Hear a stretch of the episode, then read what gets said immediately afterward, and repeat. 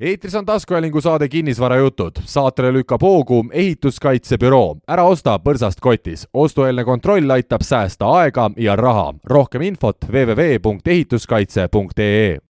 ja Kinnisvarajutud podcasti kolleegium on taas Manta Maja stuudiosse kogunenud Siim Semiskar ja Algis Liblik, tere Algis! tere Siim! osa number kakskümmend kolm on meil kohe-kohe siin algamas ja esmakordselt oleme me külalisega Skype'i teel ühenduses, et meil, ütleme nii, et tehnoloogia pressib uksest ja aknast sisse. ja ma hommikul juba stuudiosse tulles lootsin, et noh, et saab üle pika aja duo saate teha, aga Siim ütles, et tal on minuga nii igav, et meil on jälle külaline, nii et aga, aga selle eest on jälle, jälle väga põnev külaline, nii et väga äge ja, ja enne kui lähme külalise juurde ja teda sisse juhatame, siis nii palju, et meil on tänase külalisega ka, ka kokku lepitud, et teeme temaga ka ühe boonusosa ja teatavasti siis boonusosasid saate kuulata meie nii-öelda kui te olete Patreoni toetajad ehk eh, patreon.com kaldkriips kinnisvarajutud, minge vaadake see asi üle ja siis saate veel lisamaterjali ka. aga, Algis, ma arvan, õige aeg minna külalise juurde, mis sa arvad? meil on täna siis Skype'i teel ühenduses, ütleme nii, et väga kaugelt ja väga soojalt maalt Hispaaniast kinnisvarainvestor Gretel Kutan, tere! tere, Siim, tere, Algis! On mul õigus, et oled äh, kuskil sooja päikese all, samal ajal kui meie siin äh, nii-öelda koroonast räsitud äh, vihmases, okei okay,, hetkel vihmases ei ole, aga külmas Tallinnas oleme? jah, nii ta on, et, et räägin teiega hetkel Marbeiast, et meil ka kahjuks täna ilm on natukene nigelam kui tavaliselt, aga, aga jah, siitpoolt soojad tervitused. mis see nigel ilm seal tähendab? pluss kakskümmend kolm pluss kaheksateist ja natukene niisugust tibuvihma tuleb. Eestimaa suvi, noh no aga, aga, aga, aga proovi kuidagi ära kannatada, õnneks pead vist siseruumides seda saadet tegema, et kõige hullem ei ole. jah, võib-olla, võib-olla meil olekski raskem, kui sa kuskil seal merekohin taustal oleks kuskil rannaliival seal juttu ajaks, nii et selles mõttes meil ka natuke lihtsam. jah, jah, absoluutselt. aga hakkame siis päris äh, otsast pihta, et räägi kõigepealt, äh, millega sa nii-öelda igapäevaelus tegeled, et äh, miks üldse siis osaliselt Eestis, osaliselt Hispaanias või kuidas need ajalised suhted on äh,? Jah, et äh, igapäevaselt äh, tegelen äh, turundusega ja brändi ütleme siis imago või kujundamise ja loomisega. Ja seda siis niisuguse äh, viie tärni restorani ja hotellide sektoris. Ähm,. et olen palgatööl, aga kuna töö sisaldab palju reisimist, et siis õnnestub sinna Eestisse õnneks suhteliselt tihti tulla, et samas Eestis tegelen ka natukene väikest viisi ettevõtlusega kõrvalt viimased paar aastat kui kaua sa nüüd seal Hispaanias oled olnud ja kuidas sa sinna sattusid üldse? Vot, kui ma hakkasin neid aastaid kokku lugema, siis tuli endal ka niisugune hirm peale, et äh, kuidas ma sattusin, eks see oli ikka niisugune äh, seiklus ja, ja päiksejanu, et äh, tüüpiline, et peale keskkooli mõtlesin, et võtan äh, ühe aasta, et tulen siia päikse alla, õpin natukene hispaania keelt ja siis tulen Eestisse tagasi. aga siis ühest aastast sai kaks ja kahest kolm ja kolmest kolmteist ja nii ta läks, et äh, tulin siia aasta kaks tuhat kuus esmakordselt, nii et aga mul on selline küsimus, kas sa oled kogu aeg olnud seal nii-öelda Costa del Solis või päikeserannikul, et see on nii-öelda Hispaanias minu lemmikpaik ka. oled sinna pidama jäänud või, või muid, muid kohti ka üritanud avastada? Äh, ei, tegelikult äh, ma olen vahepeal elanud ka Palma de Mallorcal äh, saare peal. seda täpselt sellepärast, et töö viis sinna, et ma olin üks kaks aastat seal ja ma olen ka olnud kahel korral ja kokku võib-olla ka siis kahe aasta jagu Araabia Ühendemiraatides ja jällegi, kuna meil oli uus avamine, et siis töö tõttu oli, oli vaja nagu minna aastaks sinna, et, et need hetked olen nagu ära olnud ja Eestis olin ka tagasi vahepeal niisugune kuue kuu jagu, ma arvan. aga enamus jaolt ikkagi jah, siin Marbeias, Costa del Solis aga ma eeldan siis, et hispaania keel on äh, täielikult suus? Äh, jah, nüüd saab juba täitsa hakkama, nii et aga ise õppinud, et, et äh, koolis kuskil siin ei käinud, et ikkagi läks aega, ma arvan, niisugune viis-kuus aastat, enne kui ma hakkasin nagu ikka korralikult nagu noh, enesekindlalt rääkima, sest eks siin on ikka suhteliselt lihtne oli alguses nagu läbi saada või vältida seda hispaania keelt, et et kõik räägivad ju inglise keeles ka, et siis või noh, et mis siis ikka noh ja kui me hakkame rääkima hiljem ka Hispaanias kinnisvarases, kinnisvarasse investeerimisest, siis kindlasti sellest kohalikust keelest on ülipalju abi. absoluutselt, absoluutselt jah. See oli nii rumal küsimus, et ei olnudki pikalt vastata midagi. ei no selles suhtes, et, et eks tast nagu abi ole, aga ma arvan ikkagi, et iga mm, inimene, kes nagu nii-öelda investeerib äh, välismaal, et minu jaoks ikkagi inglise keel on nagu A ja O, et äh, kuigi ma räägin hispaania keelt äh,, kõik dokumendid ma lasen ikkagi nagu nii-öelda advokaadil äh, topelt üle vaadata ja inglise keeles endale üle selgitada, et, et siis ei ole pärast nagu nii-öelda äh, mingeid möödarääkimisi või midagi, mis on nagu nii-öelda lost in translation, eks ole aga lähemegi siis investeerimise juurde, et kas kinnisvara oli sinu esimene varaklass või sa alustasid oma investeerimisteekonda kuskilt mujalt hoopis? Äh, kusjuures peaaegu viimane varaklass, kuhu ma teadlikult investeerimisega jõudsin. et äh, mind algselt paelusid äh, igasugused aktsiad, ühisrahastused ja laenud palju rohkem aga peale mõningast niisugust eneseanalüüsi ja, ja erinevate mentoritega kohtumist ja, ja arutamist, et äh, jõudsin ikkagi tagasi järelduseni, et, et äh, peab sinna kinnisvara juurde otsaga tulema. ja siis ähm, võib-olla neid ülejäänud äh, investeerimis, niisuguseid instrumente siis nagu nii-öelda kõrvalt väiksemas mahus kasvatama lihtsalt võib-olla sa täpsustad seda, et mis see analüüsi tulemus, noh, et mis see tähendab, et mis see kaalukeeleks siis sai või kus, mis otsus see oli, et, et vot kinnisvara, et mille põhjal? Ähm,? mul oli nagu selles suhtes natukene niisugune kogutud võib-olla suurem summa raha ja siis algust, kui sa loed kõiki neid äh, toredaid investeerimisalaseid raamatuid siin, et äh, loomulikult see tootlus nendes laenudes, ühisrahastustes ja, ja aktsiates tundus niisugune äh, ahvatlevam kui niisugune keskpärane kuus-seitse protsenti, mida praegu siin keskeltläbi Tallinnas võib-olla need üürikinnisvarad pakuvad, eks ole. aga ma sain aru, kui sul nagu kogemust või pagasit all ei ole, et ega siis nagu ikkagi mul nagu käsi ei tõusnud või et, et see riskiaste oli nagu minu jaoks liiga suur, et kohe nagu pauhti ühte nendesse instrumentidesse sisse minna. aga kinnisvaraga, nagu nad, nagu eelnevalt teil on paljud külalised rääkinud, et äh, ikkagi on nagu materiaalne äh, väärtus saab midagi käega katsuda, et, äh, et valesti ei saa nagu eriti talitada minu kogemust mööda et siis oligi, et ikkagi, et kinnisvara on niisugune nagu nii-öelda safe bet, et alustame sellest ja õpime paralleelselt natukene väiksemate summadega teistes instru-, nendes ähm, instrumentides siis jah aga kas nii ei ole, et kui juba kinnisvaras alustada, siis neid äh, väikseid summasid üle enam ei jäägi, et kõik läheb sinna sinna tellistesse ära? kogu aeg on puudu. tundub küll ja, ja eks, eks ta nii kipub olema, aga jah, eks, eks vaatame, mul selles suhtes ikkagi kõrvalt, et äh, mul on tulemas üks esimene suurem startup investeering, et selle jaoks ma küll, ma võtsin hambad risti ja leidsin raha ja panin kinnisvaraobjektid natukene ootele, nii et okei okay,, aga kui kaua sul läks nüüd sellest, et kui sa tegid selle analüüsi ära ja olid muudesse varaklassidesse pannud ja ja siis see arusaam, et okei okay,, et ikkagi peaks nagu kinnisvarasse investeerima, et äh, kui kaua siis aega läks, et sa reaalselt ka esimese investeeringuni jõudsid kinnisvaras? Äh, ikka suht kohe, et selles suhtes mul kogu aeg need kõrvad peas liikusid, et hakkasin vaatama, et siis, et äh, mis variante on. et ma ei olnud nagu enda jaoks, ma ei seadnud piire, kas see peab olema Hispaania, kas see peab olema Eesti, kas see peab olema elukondlik või ärikinnisvara. et äh, ma paralleelselt siin vaatasin ja otsisin erinevaid variante ja ma arvan, et üks niisugune paar kuud võttiski aega, et jõuda mm, esimese tehinguni siis ja räägimegi sellest esimesest tehingust äkki, mis see objekt oli ja kuidas läks? Ähm, siin on nagu selles suhtes kaks punkti, et, et esimene, see teadlik investeering, nüüd ütleme üürikinnisvarasse, oli siis nüüd väga hiljuti ja see sai äh, olema siis siin Hispaanias aga kui ma nüüd natuke tagasi mõtlesin, siis mina tegelikult loen oma esimeseks kinnisvara investeeringuks võib-olla ikkagi seda äh, oma teise kodu ostusin Hispaanias, mis oli siis aastal kaks tuhat seitseteist. et äh, ma tean, et paljud võib-olla nagu vaidlevad äh, vastu ütlevad, noh, et kodu on kohustus, et ei ole investeering, aga et äh, ma ei ole sellega päris päri, et äh, ma arvan, et eriti alustaval investoril, et äh, ka koduga, eriti teise koduga annab teha nagu väga kasumlikke tehinguid. et kui on kas siin hea sisenemishind või, või suudad võimsalt seda kapitali väärtust kasvatada. ja minul just nii juhtuski, et äh, selle teise, kuna see oli teine kodu, ähm, siis mul tekkis kohe võimalus katsetada seda lühiajalist renti Airbnb-d, et sain äh, käe sellega valgeks. ja teiseks, ähm, see esimene kinnisvara, mille ma ostsin, oli nii-öelda panga poolt äh, konfiskeeritud oksjonivara. et mul õnnestus see saada kohe niisugune kakskümmend, kakskümmend viis protsenti võib-olla alla mm, tolleaegse turuväärtuse hinda ja omakorda siis siit kaks tuhat seitseteist kuni kerime edasi tänasesse aastasse um, on see umbes sama palju siis ütleme võib-olla väärtuselt veel tõusnud. et see nagu näitab, et ka koduga saab nagu nii-öelda toimetada ja, ja kasvatada oma netiväärtust. aga see, see, kuidas see jõudis sinuni, see info, et kui see oli nii-öelda kuskilt nii-öelda alla turuhinna ja kohtutäituri kaudu kuskilt, et kust sa selle info said üldse?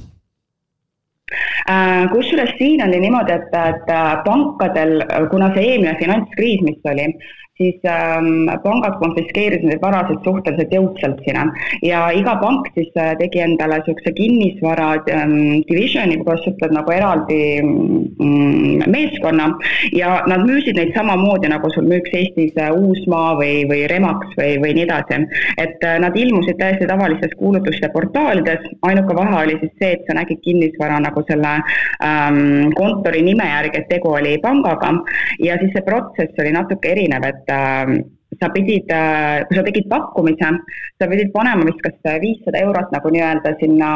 mm, et, et teha pakkumine äh, läbi panga ja siis sa pidid lihtsalt ootama jääma ja tegelikult sellega oligi niisugune huvitav lugu, et äh, sa ei tea, see on nagu pimesi pakkumine, et sa ei tea, kui palju keegi teile pakkus, et sa ei saa üle pakkuda. et sul on nagu üks võimalus, et ütle nüüd, et kui küsimishind on umbes, äh, toome näite, sada viiskümmend tuhat, et ütle, palju sa oled nõus nagu maksma selle kas alla või üles, on ju ja ma ei saanud seda kinnisvara äh,. lihtsalt oligi selle järgi sain teada, et see viissada eurot kanti mulle kontole tagasi ja keegi minuga isegi ühendust ei võtnud. aga siis üks äh, kolm kuud hiljem, ma arvan äh,, tuli mulle pangast kõne ja küsiti, et kas ma olen ikka huvitatud sellest äh, objektist. et tuli välja, et ma olin seal vist neljas või viies nii-öelda järjekorras aga et siis need esimesed inimesed, kes, kes olid nagu nii-öelda eelisjärjekorras, et nad ei kvalifikatseerunud laenule Äh, või olid mingid erinevad äh, probleemid, mille pärast nemad seda kinnisvara ei saanud. ja siis see jõudis Kotsaga tagasi minuni ja anti mulle uus võimalus ja, ja nii ma selle soetasin aga räägi, kuidas sul see finantseeritud on, kas laen on võetud Hispaania pangast ja kuidas üldse nii-öelda võõramaalane seal äh, Hispaania pankades ligi pääseb rahale? Ähm, kusjuures see esimene, see koduobjekt kaks tuhat seitseteist aastal, et tegin nii võimsa liigutuse, et ostsin ilma laenuta selle välja et ähm, see oli nagu sada protsenti omafinantseering siis, et äh, mis ma küll tegin, kuna siin, äh, milleni me võib-olla hiljem jõuame, et Hispaanias on see, et kui sa ostad kinnisvara, et siin on need äh, soetamismaksud on suht suured. et ma võtsin kõrvale lihtsalt niisuguse väiksema paarikümne tuhandese laenu, mis oli nagu ütleme, kodu sisustamiseks võib-olla, mis oli niisugune suhteliselt krõbeda protsendiga. aga nüüd selle viimase üürikinnisvara, selle ma tegin küll panga finantseeringuga ja võtsin esimest korda siin Hispaanias kodulaenu ja see protsess äh, Eestiga võrreldes siis äh, jah, ma ütlen suhteliselt niisugune mm, võib-olla kerge ka, et, et ei olnud midagi nagu eriti keerulist, et kõik nad nagu räägivad igast erinevaid keeli, et ma suhtlesin peamiselt kahe pangaga siin äh,, kellelt sain neid pakkumised ja võin öelda, et äh, Hispaanias on kodulaenu tingimused on paremad kui Eestis näiteks. räägi detailidest ka siis ikka, ärme siin, ärme siin ümber pudru keeruta, et mis tingimustel seal kodulaenu antakse Äh, minul oli siis niimoodi, et noh, omafinantseering peab olema siis ütleme minimaalselt äh, kakskümmend protsenti, äh, panga finantseering kaheksakümmend protsenti. nagu ma hetkel mainisin korra enne, et kinnisvaraga mm, soetamiskulud, et mis iganes sul see kinnisvara hind on, ütleme ümmarguselt kakssada tuhat, ähm, pead peale arvestama umbes kümme protsenti kuludeks. ja tähtis on teada, et need kulusid ei saa arvestada pangalaenu sisse. nii et kui sa paned omafinantseeringu kakskümmend protsenti, siis arvesta võtta kõik need lisakulud sinna otsa, et see on siis see raha, mis sul endal olemas peab olema ähm,. pankades siis äh, varieeruv protsent, mulle pakuti äh, üks koma üks või üks protsent kodulaenuks ähm,. ja fikseeritud intress oli mul üks koma üheksa protsenti. ja kuna see Euribor on siin nagu nii-öelda üles äh, hakanud nagu ütleme, sinna positiivse poole peale tagasi kerima, siis äh, mina võtsin nagu nii-öelda otsuse, et ma tahtsin seda fikseeritud intressi sellele kinnisvarale ja ma läksin selle fikseeritud intressiga, mis oli üks koma üheksa, äh, lepingutasud olid siin null ja siis mul on, mis minu jaoks oli väga paeluv ka see, et ma saan iga kell veel selle äh, laenu tagasi maksta ja mul ei ole mitte mingeid äh, trahve seal. mis see, mis see ajahorisont on või laenu pikkus? Äh, kakskümmend viis aastat oli okei okay,, selles plaanis väga palju ei erine, et noh, intress on küll mõnus, seal pole midagi öelda, et isegi jah, et kui natuke riskialtim oled, siis oleks võinud ka minna selle teise variandiga, on ju, aga, aga eks siis jah, ei tea, mis selle Covidi ajal. jah, ma arvan, see järgmise objektiga võib-olla nagu proovida seda, et äh, mul siin tuttav, kes on, ütleme, kuna nii-öelda ma olen ju ka ikkagi välismaalane, kuigi ma olen siin Hispaanias pikalt elanud olen nagu siin resident, aga tuttav hispaanlane, tema sai fikseeritud intressi üks koma üks mis oli nagu, mul pani veel silmad nagu peas rulluma, nii et aga jah ehk siis võib öelda, et seal Hispaanias nagu see sisenemislävi on äh, Eestist võib-olla nii-öelda kõrgem, et kui sa rääkisid et, et kakskümmend protsenti mhm. omafinantseering pluss siis kümne protsendi jagu neid igasugu kulutusi, et need omast taskust. aga kui juba nii-öelda laenu peale saad, et see siis on oluliselt soodsam. Äh, jah, jah, nii ta kipub olema küll, jah nii, Algis, kas on sul lennupilet juba broneeritud? ma just mõtlesin jah, et äh, tegelikult oleks täitsa mõnus ju seal olla ja sellistel tingimustel kinnisvara ka omada, nii et äh, miks mitte tulevikus. aga mu küsimus ongi, et kas siis tähendab, kuidas see kinnisvara nii-öelda jaotumine seal Hispaanias on, oled sa kursis, et on seal nagu teisi eestlasi ka lisaks sinule, kes kinnisvara omavad ja kellega sa võib-olla suhtled või, või äh, muu, muu riigi välismaalased on kogu selle kinnisvara seal üles ostnud just seal päikeserannikul? Ähm, eestlasi on siin kindlasti on palju, et ega ma nüüd nagu numbreid hetkel välja tuua ei oska, aga eks eestlased on ennast siin päris korralikult sisse söönud, et et äh, küll siin on Eesti kohvikuid ja restorane ja siis hiljuti tehtud loomulikult see Rocca al Mare eestlaste äh, kool ka, et äh, eks päris paljudele on hakanud saama sümpaatseks mõtet omada teist kodu siin päikserannikul, mis on siis nagu nii-öelda teine kodu, aga samas ka investeering võib-olla, mida aeg-ajalt välja rentida. et kinnisvaraalal tegutsevaid eestlasi on, et ma nagu igapäevaselt niimoodi ei lävi, aga, aga nägupidi tean, tunnen ja võib-olla siis nagu välismaalastest, kes siin äh, kinnisvara omavad, et äh, kusjuures enne saadet ma guugeldasin seda, sest ma ega mul endal ka niisugust infot ei olnud, aga et leidsin huvitava statistika, et äh, kaks tuhat üheksateist aasta tulemuste põhjal, et me räägime just nüüd sellest äh, Costa del Solist ja Malaga regioonist, et kolmkümmend neli protsenti tehtud kinnisvaratehingutest oli siis tehtud väljamaalaste poolt siin. Ja seitsekümmend viis protsenti ehk siis kolm neljast uusarendustest müüdi samamoodi välismaalastele ja see keskmine äh, investeeringu väärtus jäi siis sinna kolmesaja viiekümne tuhande euro kanti ja see tüüpiline ost oligi siis äh, teine kodu, millel oli siis kaks magamistuba, et ehk siis Eesti mõistes niisugune kolmetuhandene korter. okei okay,, aga hea, et sa selle välja tõid, tegelikult mul tuli meelde üks äh, üks niisugune infokild ja ma mõtlesin, ma küsin kohe nüüd siia vahele sinu kommentaari sellele, et mul käis Eestis vaatamas ühte korterit üks investor ja ütles, et ta pikalt mm -hmm kaalus äh, Hispaaniasse kinnisvara ostmist, aga siis ta ütles, et ta kuulis mingeid äh, hirmujutte ja, ja ta mõtles ümber, et ta ikkagi Hispaaniasse ei, ei taha panna ja see jutt oli selline, et äh, ta ütles nii, et, et seal on niimoodi, et noh, et kui sa välismaalasena ostad endale kinnisvara ja ütleme et näiteks, et ise oled Eestis ära ja tahad selle seal välja üürida, et siis ta on kuulnud mingeid selliseid jutte, et äh, koha peal näiteks leiad mingi inimese, noh, kes justkui nagu nii-öelda siis manageerib sul seal seda korterit ja, ja on olnud mm -hmm. olukordi, kus äh, ma ei tea, seal ukselukud vahetatakse ära ja ja mingi kohalik kolib sisse ja siis sa välismaalasena oled nagu seaduse ees suhteliselt äh, jõuetu. et, äh, et ei saa oma vara kätte ja ja, ja noh, ütles, et, et see nagu hirmutas teda ära, et kuidas sa kommenteerid kogu seda, seda asja? Costa del Crime, eks ole mitte Costa del Sol et äh, e-, eks siin äh, ole, see kindlasti selliseid jutte on olnud jah, ja niisuguseid juhtumeid võib olla, aga ma arvangi, et, et siin mängib siis rolli nagu selles suhtes eeltöö ja, ja niisuguse usaldusväärse agendi leidmine. eks distantsilt on ikka hirmutav nagu neid asju ajada, aga eks see on niisugune korralikud ettevõtteid ka, kes, kes siis nagu hoolitsevad sinu kinnisvara eest, aga et ma arvan, et kui sa ütled, et välismaalane on võib-olla natukene kaitsetum kui kohalik hispaanlane, et see ma ei usu, et nagu peab vett, aga võib-olla lihtsalt see, et väljamaalasena sa tunned, et sul on mingi suhtlemisbarjäär. et tähtis on leida endale siin nagu nii-öelda esindaja või usaldusisik või, või agent, äh, kes siis saab nagu koheselt nende probleemidega tegeleda.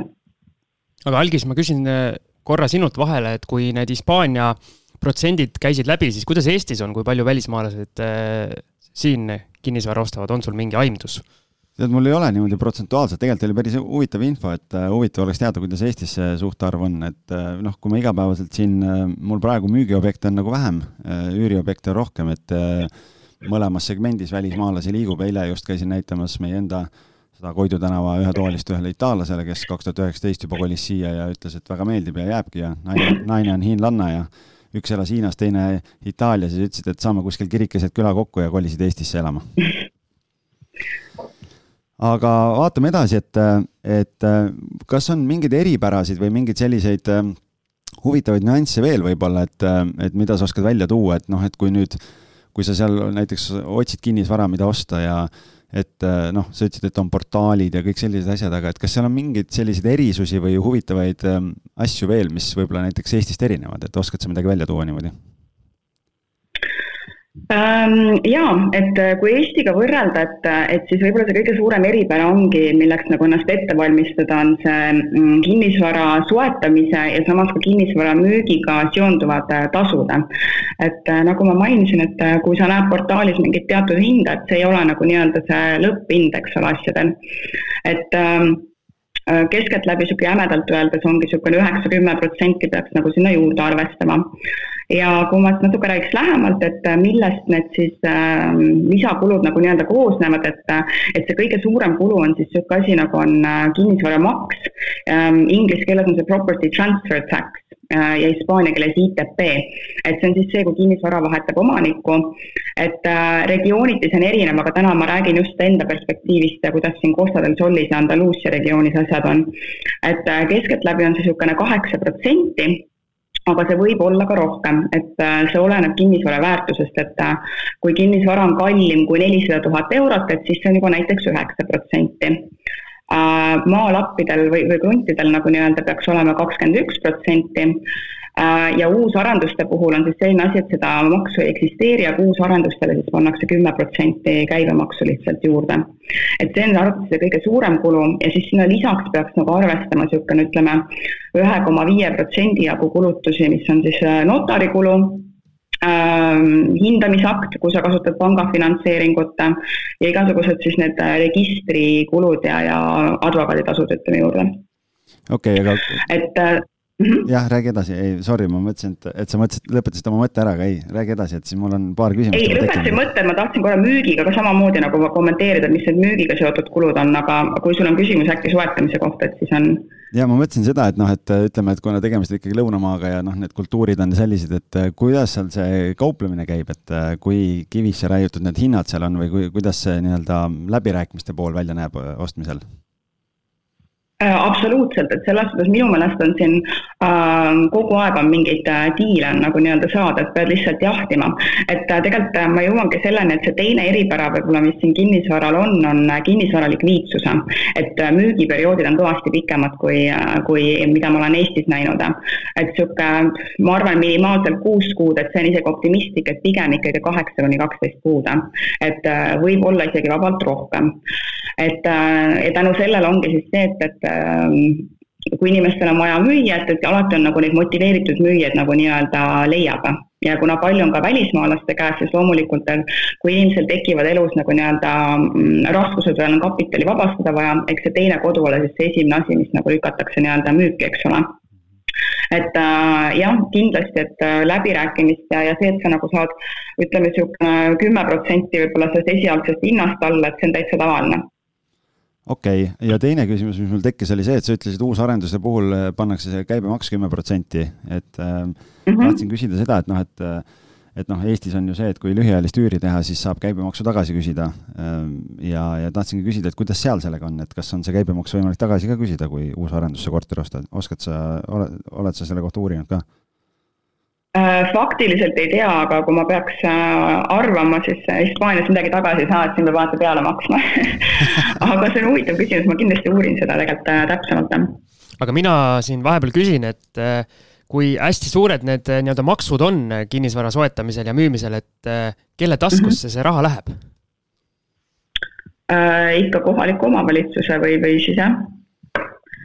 ja ma saan aru, kui sa ütlesid, et likviidsus on nii-öelda väike, pikad müügiperioodid, et võib vist öelda, et tänu sellele nii-öelda suurtele maksudele, et see on üks põhjus? Jah, ma arvan, et see ja teine asi, et eks äh, peab arvestama, et Hispaania ei ole ju digiriik, eks ole, et äh, ma arvan, et asi pole isegi selles, et, et need maksud, kuna tehingud toimuvad, et turg iseenesest on aktiivne, aga kuna ostjad on tihtipeale väljamaalased, eks ole, et siis need protsessid on lihtsalt palju pikemad. et isegi siin nagu selle pangalaenu ja ja notaris käimise vahed on, on niisugused, peavad olema seadusega ette nähtud nüüd kümme päeva, äh, sulle peadakse asju selgitama, et siin on lihtsalt, kõik on nagu nii-öelda keerulisem ja selle võrra aeglasem, et äh, võib-olla ka sellepärast. Et sellist asja Hispaanias ei ole, nagu mina siin ühe tehingu olen teinud, et ma ei ole, ma ei ole ühtegi inimest näost näkku näinud, et lõpuks notar ka üle, üle veebi ja kõik sai väga kiirelt korda, et sellist asja pole võimalik teha oi ei, ma just rääkisin, kui ma olin seal notaris, et seletasin, et kuidas ma siin olen koroona ajal kaks-kolm kinnisvaratehingut teinud äh, Eestis, Eestis niimoodi Skype'i teel, et või Skype'i või selle Zoom'i või millegi teel nagu, et nende jaoks täielik müstika nagu jah no,. et sellist õnne meil ei ole siin kahjuks jah. no selles mõttes jaa, on ilmselt valgusaastad on vahel, et äh, aga, aga sa rääkisid kodu ostmisest ja sellest intressist, aga kui me nüüd räägime sellest, et üks asi on, et osta kodu endale ja ka teine asi on see, et kui mm -hmm. Siim nüüd otsustab oma kogu Vaida portfelli kunagi ära müüa ja tahab äh, investorina sinna osta, siis äh, mis, mis need teised laenuvariandid seal on ja kuidas, kuidas nende finantseerimine välja näeb, et kui nii-öelda investeerimisena osta, mitte koduna? Äh, mina ise nagu enda perspektiivist ma olen nüüd uurinud, et kui mul see kodulaen on kasutatud, et äh, mis mul järgmised variandid on ja, ja kuidas see nagu erineks, ütleme sellest, mis mul hetkel nagu käes on. et äh, suhteliselt sarnastel tingimustel, aga ainuke asi siis, et see omafinantseeringu protsent peaks kasvama niisugune kolmekümne kuni neljakümne protsendini. aga tulles nüüd väljas, et tuleb Siim Vaidast ja tahab siin midagi osta, et esialgu ikkagi on see, et ma ei ole kindel, kas mitteresidentidele üldse laenu antakse. et esimene samm on on ikkagi see, et nad tahaksid, et sul oleks siin äh, äh, mingisugune sissetulek Hispaanias ja, ja siis äh, tehtud nagu nii-öelda see isikutuvastuskood NIE, mis on siis Eestis nagu nii-öelda isikukoodiga võrdväärne. Et miskit peaks nüüd ikkagi selle Hispaaniaga siduma, et nagu välismaalastele, kes uksest sisse astuvad ja mitte mingit seost Hispaaniaga pole, ma usun, et laenu ei anta. Ma lihtsalt kuulajatele siin vahele ütlen, et kuigi mu see Vaida korter on kõvasti puid alla saanud algiselt ja ma ei tea, Jaak Roosaarelt ja kellelt kõigilt, siis viimased uudised näitavad, et ma olen äh, Vaida kinnisvaraturu totaalselt buumima pannud, et äh, kes tahab täpsemalt teada, läheb Patreoni ja loeb, ma kirjutasin väikese loo ka sellest. ja seal action käib ja, et ma lugesin ka ja imestasin ja vaatasin, et, et Siim, vaata, kui, kui, kui vähe on vaja, et üks kogukond kihama panna ja, ja noh, Siim lihtsalt siis on see, et kümme, õnneks, Gretel, sul on natukene aega seal atra seada ja, ja saad rahulikult olla, et Siim peab seal kümme korterit kokku ostma ja saab need ära müüa, siis saab sinna. siis hind kümnekordistub seal. jah, ja siis saab teie juurde sinna ühe osta endale asemele, nii et sinna läheb natuke aega veel aga räägimegi Hispaania plaanis ka sellest, et kas seal kehtib äh, kinnisvara puhul seesama kuldreegel, et asukoht, asukoht, asukoht mm,? jaa, absoluutselt ja ma arvan, et siin on veel see suur faktor on äh, mere ääres. et mida lähemal ta nagu nii-öelda sellele mereäärsele alal on, et seda parem ja seda paremini see kinnisvara ka hinda hoiab. aga räägime siis hindadest ka, et mis need äh, hinnaklassid on äh, võrreldes Eestiga näiteks, et kui ma müün siin ütleme sellise kesklinna korteri maha, ma ei tea, saan, saan sada viiskümmend tuhat kahetoalise eest umbes on, algis õige ja siis tahan selle, selle rahaga Hispaaniat vallutama minna, mis ma sealt saan? Ah, tead, see oleneb sellest asukohast ja varaklassist, aga et äh, ma arvan, et üleüldiselt niisuguse korraliku Eesti mõistes kolmetoalise korteri äh, okeis asukohas saaksin kätte üks niisugune kahesaja viiekümne tuhande euroga. et äh, ma ei oska paralleele tõmmata, kas see on nagu noh, mm, kallis või odav on Eestiga, aga pigem nagu tootluse järgi vaadates investori perspektiivist, et äh, hetkel tänases seisukorras siis ma ütlen, et äh, pikaaegne äh, rent äh, on Eestis kasumlikum aga et lühiajalisel rendil võib-olla siis on natukene rohkem jumet ja potentsiaali siin Hispaanias kui võib-olla Eestis. aga üks huvitav ähm, teine statistika, mida ma nägin ja ma ei ole kindel, kas te jagasite seda kinnisvarajuttudes ja kas ma nägin seda seal, et äh, kuskil tehti siis nagu nii-öelda vaadati läbi kõik need Euroopa Liidu riigid ja kuidas on siis äh, kinnisvara hinnad võrreldes selle eelmise buumieelse ajaga. et äh, seal oli huvitav, et Eesti minu meelest seal oli mingisugune müstiline tõus, et kui palju Eestis see kinnisvara hinnad on tõusnud ja samamoodi need üürid, eks ole. aga kolm riiki, mis olid negatiivsed, oli Hispaania, Küpros ja Kreeka. et see tegelikult andis mulle nagu niisugust mõtteainet, et kui täna Hispaanias nagu nii-öelda kinnisvara saada hea hinnaga kätte, siis eks Hispaania peab ka millalgi lõpuks jõudma nagu ülejäänud Euroopale nende kinnisvarahindade kasvuga järgi. et siis on võimalik, et see tootlus ka kasvab nagu nii-öelda mühinal koos sellega aga räägime korra sellest asukoha mõttes, et äh, sa ütlesid, see mereäärne on nagu oluline, et äh, kui palju see hind siis hakkab langema, et näiteks ma ei tea, viiekümne või saja meetri kaupa paneme selle objekti kogu aeg merest kaugemale, et kas see on nagu silmaga nähtav langus nagu hinnas ka? Oi, vot see on hea küsimus, sellepärast et äh, siin on jube keeruline öelda, ütleme nii, kui sa Eestisse tead, et mis sul seal lähed Mustamäele, ütleme, ma tean, et mul on niisugune keskmine ruutmeetri hind on tavaliselt see, lähed Kristiinesse on too, et siin on see jube, jube keeruline, et äh, ei ole niisugust äh, mõistlikku ütleme, süsteemi, mille alusel nad seda mõõdavad. et need, mis on nagu mereäärsed kinnisvarad, et seal veel enam-vähem saad võrrelda, aga jube palju on äh, emotsiooni peal niisuguseid äh, äh, hindamisi. et sul võib vabalt olla ühes kompleksis korter, mis on samad, noh, samad ruutmeetrid, sama korter, ütleme, vahe on siis see, et tavaliselt need majad on siin niisugused kolmekorruselised, on ju, et üks müüb saja üheksakümnega, teine müüb kahesaja kuuekümnega, samas seest nagu eriti vahet ei ole. et selles suhtes see on jah, niisugune selle koha eripära ja teine asi, see on ju hästi suur ja lai, et äh, siin Costa del Soli regioonis, et see nagu on nii seinast seina, see, see hindamine, et siin ei ole need ruutmeetri hinnad ei ole korralikult paigas tegelikult. no see on päris huvitav tegelikult, aga, aga kui me nüüd mõtleme selle kinnisvara nii-öelda üldiselt kogu, kogu selle kinnisvara peale, mis seal on, et noh, kui me räägime sellest, et siin Eestis me teame, on ju, et kui noh, et ma ei tea, ühetoalised, kahetoalised, kolmetoalised, et kuna tegemist on ikkagi nii-öelda väga turistidele keskendunud äh, rajooniga, et äh, milline kinnisvara seal kõige levinum on, et äh, on need kolmetoalised korterid või, või suuremad veel või mis see nii-öelda tüüppkorter on üldse seal piirkonnas? Äh, tüüppkorter ongi niisugune äh, Eesti mõistes siis kolmetoaline, ma kogu aeg ütlen Eesti mõistes, sellepärast et siin on siis nagu see kahe magamistoaga öeldakse, eks ole. et äh, neid on nagu arvatavasti kõige rohkem ehitatud ja neid on kõige lihtsam nagu nii-öelda leida. Ähm, ühetoalise ehk Eesti mõistes kahetoalise ühe magamistoaga korterid on niisugune minu meelest natukene harvem nähtus või siis on nagu stuudioid. aga tihtipeale ongi see, et on kompleksid, mis on, kus on siis kahe magamistoa ja kolme magamistoaga korterid, kortereid või siis on eraldi kompleksid, kus on ainult stuudiokorterid näiteks. et niisugune oleneb nagu, kuhu nad äh, tehtud on, aga tüüp on jah, niisugune kolmetoaline, ma ütleks, aga kuidas see majade ja korterite suhe on, et äh, seal on kindlasti neid villasid ka ju hästi palju, et kuidas see suhe omavahel on? oo jaa, äh, majadega on veel huvitavam selles suhtes see, see olukord, et maja hinnal nagu ütleme, mis mõjutab äh, ja ma räägin just, pigem ongi see, et ma arvan, et siin on samamoodi, et nagu, et igal niisugusel linnaosal on nagu nii-öelda oma iseloom ja oma head ja vead. et mina olen just hästi tuttav siin nagu Marbeiast äh, natukene, ütleme Marbella kandiga ja pigem selle Liiria alaga, millest natuke hiljem lähemalt võib-olla räägime. et äh, juhe jooksis kokku praegu, mis see küsimus oli? maja ma,, majade osas sa ütlesid, et seal on mingid kindlad kriteeriumid. majad jaa, et majade puhul on just on hästi tähtis, on kindlasti see, et äh, kus see maja asukoht on ja kas see krunt on, kas see pinnas on tasane. sest see võib väga palju hinda mõjutada, sest õudselt palju on ehitatud kuskile künka peale ja maja ei ole nagu nii-öelda tasase pinna peal. et äh, majad, mis on ehitatud tasase pinna peale, maksavad näiteks, äh, on, on rohkem väärt kui majad, mis on kuskil künka otsas ja samamoodi on siis noh, vaadetega, eks kõik ajavad seda merevaadet ka nagu nii-öelda taga aga ma arvan, et me teeme siia korra väikese pausi ja kui tagasi tuleme, siis hakkame rääkima tootlustest ja suurtest summadest ja millest kõigest veel.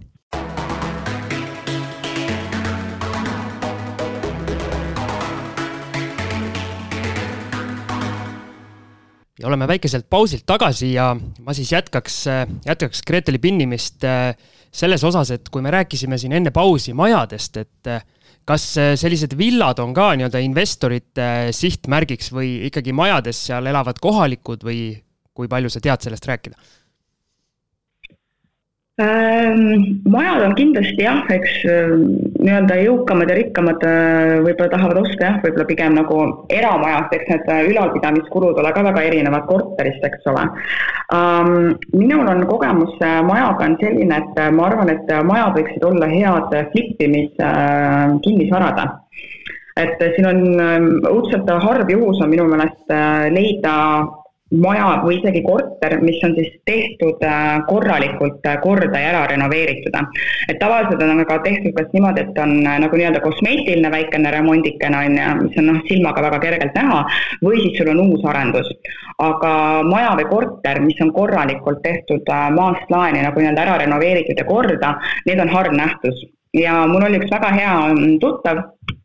kes ostis siin ka kaks tuhat seitseteist, kuusteist, seitseteist ostis maja, mis tegelikult ei olnudki vana, oli võib-olla kaks tuhat äh, niisugune kaks tuhat ähm, kümme aastal umbes sealkandis ehitatud, ütleme. Ähm, see pere, kes seal elas, ütleme, ei hoolitsenud selle maja eest, et see oli niisugune pigem nagu mm, käest ära lastud kui vana. Mm, ta sai selle päris hea sisenemishinnaga kätte peale niisugust kuuekuulist äh, läbirääkimist, äh, tegi täiesti korraliku mm, kapitaalse remondi, plaanis sinna elama jääda ja aasta, paar aastat hiljem siis äh, ikkagi plaanid muutusid äh,, müüs selle kinnisvara maha ja isegi kui ta ehitas selle nagu nii-öelda enda otstarbeks, ehk siis kasutasime renoveerimises ütleme, niisuguseid võib-olla kallimaid materjale ja niisuguseid, mis sa noh, kui sa kodu teed, et ütleme, sa ei hoia võib-olla nagu raha igalt poolt, eks ole, kokku. et äh, isegi nagu nii-öelda endale teadmatult, äh, kui ta flipis selle property, ta ikkagi suutis seal taskusse panna niisuguse kuuekohalise summa kasumit et siis mul hakkasid nagu kõrvad liikuma, mõtlesin, et okei okay,, et, et äh, et kui nüüd teha seda sihilikult, et ostage mingi kinnisvara, mis äh, maja nagu nii-öelda, et neid sisenemishinnaga, hea sisenemishinnaga majasid on siin kindlasti sadu saadaval, enamus on suht niisuguses nigelas või vanas ähm, olukorras ja kui ostjad on ju valdavalt äh, või noh, üks kolmandik kas või ostjatest on nii-öelda välisturge, siis enamus sealt nad tahavad tulla siia ja nad ei taha tegeleda mingisuguse suure renoveerimisprojektiga. et äh, kõik on nõus nagu võib-olla paar kihti värvi millegile peale tõmbama, aga keegi ei hakka sulle, ütleme, ehitama ja lammutama ja aknaid ja uksi vahetama, kui neil nagu kogemust ei ole, ütleme Hispaanias, eriti kui siin on keelebarjääre. et siis ma arvan, et nende majadega äh, võiks, võiks hea taha teenida siin flippimisega. väga äge, ma ei tea, kas sa Netflixi vaatad? On sul aega selle jaoks äh,? jah. kas sa oled ja. vaadanud selliseid saateid nagu Million Dollar Beach House, Selling Sunset äh, või Selling Sunset või Dream Home Dream Home Makeover on ka üks selline saade, kolm kinnisvarale keskendunud saadet kus just tegeletakse majadega ja ja, ja kõik seal need äh, siuksed vaated ja, ja uhked häärberid ja asjad, nii et kui meil kuulajad ei ole vaadanud, siis äh, kolm vaatamissoovitust Netflixis, et väga äge, saate näha, kuidas, kuidas USA-s asjad käivad, nii et äh, tervitused Jaagole ka siit kindlasti, kes meie saadet kuulab, nii et Jaago flipib meil USA-s maju, nii et nüüd on kott selga ja, ja Hispaania poole minek. mis asi see Netflix on? no Siim, Siim on maamees, et tal on Vabalevi kanal, et ta ei tea midagi. nii, aga, aga väga äge ja, et mul just, kui sa rääkisid nendest asjadest, majade flip imine ja kõike, siis mõtlesin, et olles neid saateid vaadanud, siis kuidagi tuli, hakkas kohe pilt silme ees jooksma, kui, kui äge oleks seal äh, samasuguseid asju teha kui ainult oskaks seda kellut liigutada, eks. jah, ja noh, tegelikult ega ma siin, mina ja flipimine ei ole, need ei käi ka nagu kokku omavahel, et, et me oleme siin oma teise flipiga kohe, kohe lõpujärjel ja, ja kui vaatad, mis nagu näppude vahele jäi, siis siis kuhjaga kogemust jälle, aga, aga muud nagu eriti midagi. no Hispaanias on kõik helgem, et peate sinna kolima. peab vist sinna minema, jah kusjuures ma ütlengi, et selle flip imisega, et äh, loomulikult see maja flip imine on selles suhtes nagu niisugune suur, äh, minu jaoks ikkagi tundub nagu hetkel niisugune suur finantsiline kohustus, et tahaks natuke hoogu võtta millegi väiksema peal seda kõigepealt testida. aga et üks nagu faktor, et mida ma olen siin nagu arvesse võtnud ja oma Exceldamises vaadanud, et loomulikult müügiperioodid on ju pikad, eks ole, et vara ei ole likviidne ja siis ongi see asi, et noh, et Eestis ma vahest vaatan, et inimesed ostavad korteri, teevad paari kuuga korda, müüvad maha ja nad saavad nagu selle peale loota, et nad teavad, et noh, kas hinda reguleerides või kuidagipidi, et noh, sa müüd selle põhimõtteliselt omal mingi kolmekümne, kolmekümne, neljakümne viie päevaga ära. et siin ju sellist lootust nagu, et sada protsenti ei ole et siis ma jõudsingi nagu arusaamale, et äh, kuidas seda kõige parem teha oleks, et noh, pikaajalist rentnikku sa ei saa ju panna kinnisvarasse sisse, mida sa tead, et sa tahad nagu aktiivselt müüma hakata. aga äh, ma arvan, et see lühiajaline rent võiks olla variant, et kui teha mingisugune maja nii-öelda täiesti sada protsenti korda ja kui sa hakkad seda nagu nii-öelda müüma ja sa arvestad, et müügiperiood võib olla niisugune äh, kuus, kaheksa, kaksteist kuud, et siis äh, kuidas seda kasumlikuna hoida või nii-öelda renditulu peale teenida, on teha nagu lühiajalist renti lihtsalt vahepeale no,. et siis sa saad ju organiseerida nagu nii-öelda need vabad äh, päevad või ajad vahel, et inimesed saavad ka vaatamas käia seda. ja see on, see on päris, see on jah, see pluss, mis teil on seal piirkonnas, et tegelikult saab seda nagu teha, et noh, ta samas, kui ma mõtlen nagu Tallinna peale, ega ega siin ka, ega see majade müümine on nagu teine teema kui kui korterite müümine ikkagi, et noh, et majade müügi puhul mina tavaliselt klientidele ütlen ka, et sa pead arvestama kuus kuud, võib-olla isegi kuni kaksteist kuud ja kui on ikkagi väga kallis maja, siis, siis võib minna ka kauem, sellepärast et mida kallimaks läheb, seda väiksem on potentsiaalsete ostjate hulk, nii et ja noh, maja on hästi selline vajaduspõhine või, või nii-öelda igalühel on oma maitse ja omad eelistused, nii et, et selles plaanis on, on maja müümine natukene teine ooper hoopis. Ma arvan, kusjuures siin nagu isegi see ajaline erinevus, et kas müüa mingisugune paari-kolmetoalane korter või müüa maja, et äh, oleneb loomulikult, mis maja, aga ma arvan, niisugune keskpärane, mis on niisugune, ütleme äh, just um, võib-olla niisugune seitsesada tuhat äh, või ütleme, poole miljoni ja miljoni vahel niisugune kusjuures sellised majad arvatavasti müüvad sama kiiresti kui korterid, et ma ei usu, teil on pikemad nagu kõvasti pikemad äh, müügihinnad. et võib-olla kinnisvara, mis läheb mitmesse miljonitesse, et need jääd, aga noh, nendele ma oma hammast veel ei ihu, nii et aga lähme siis natuke nii-öelda numbritesse sisse, et sa juba jõudsid öelda, et need nii-öelda tootlused investori jaoks eh, Hispaanias, eriti pikaajalisi, on eh, ehk madalamad kui siin Eestis, aga räägi sinu, sinu kogemuse järgi, et mis need tootlused võiksid olla või mida investor võiks oodata nii pikaajalisest rendist kui ka siis Airbnb-st? Äh, pikaajalisel rendil on, äh, ma arvan, et tootlus võiks olla niisugune kolm kuni neli koma viis protsenti võib-olla ähm,, nettootlus siis nagu nii-öelda. et sellest ma ütlesingi, et jah, et Eestis nagu on see kindlasti äh, kasumlikum,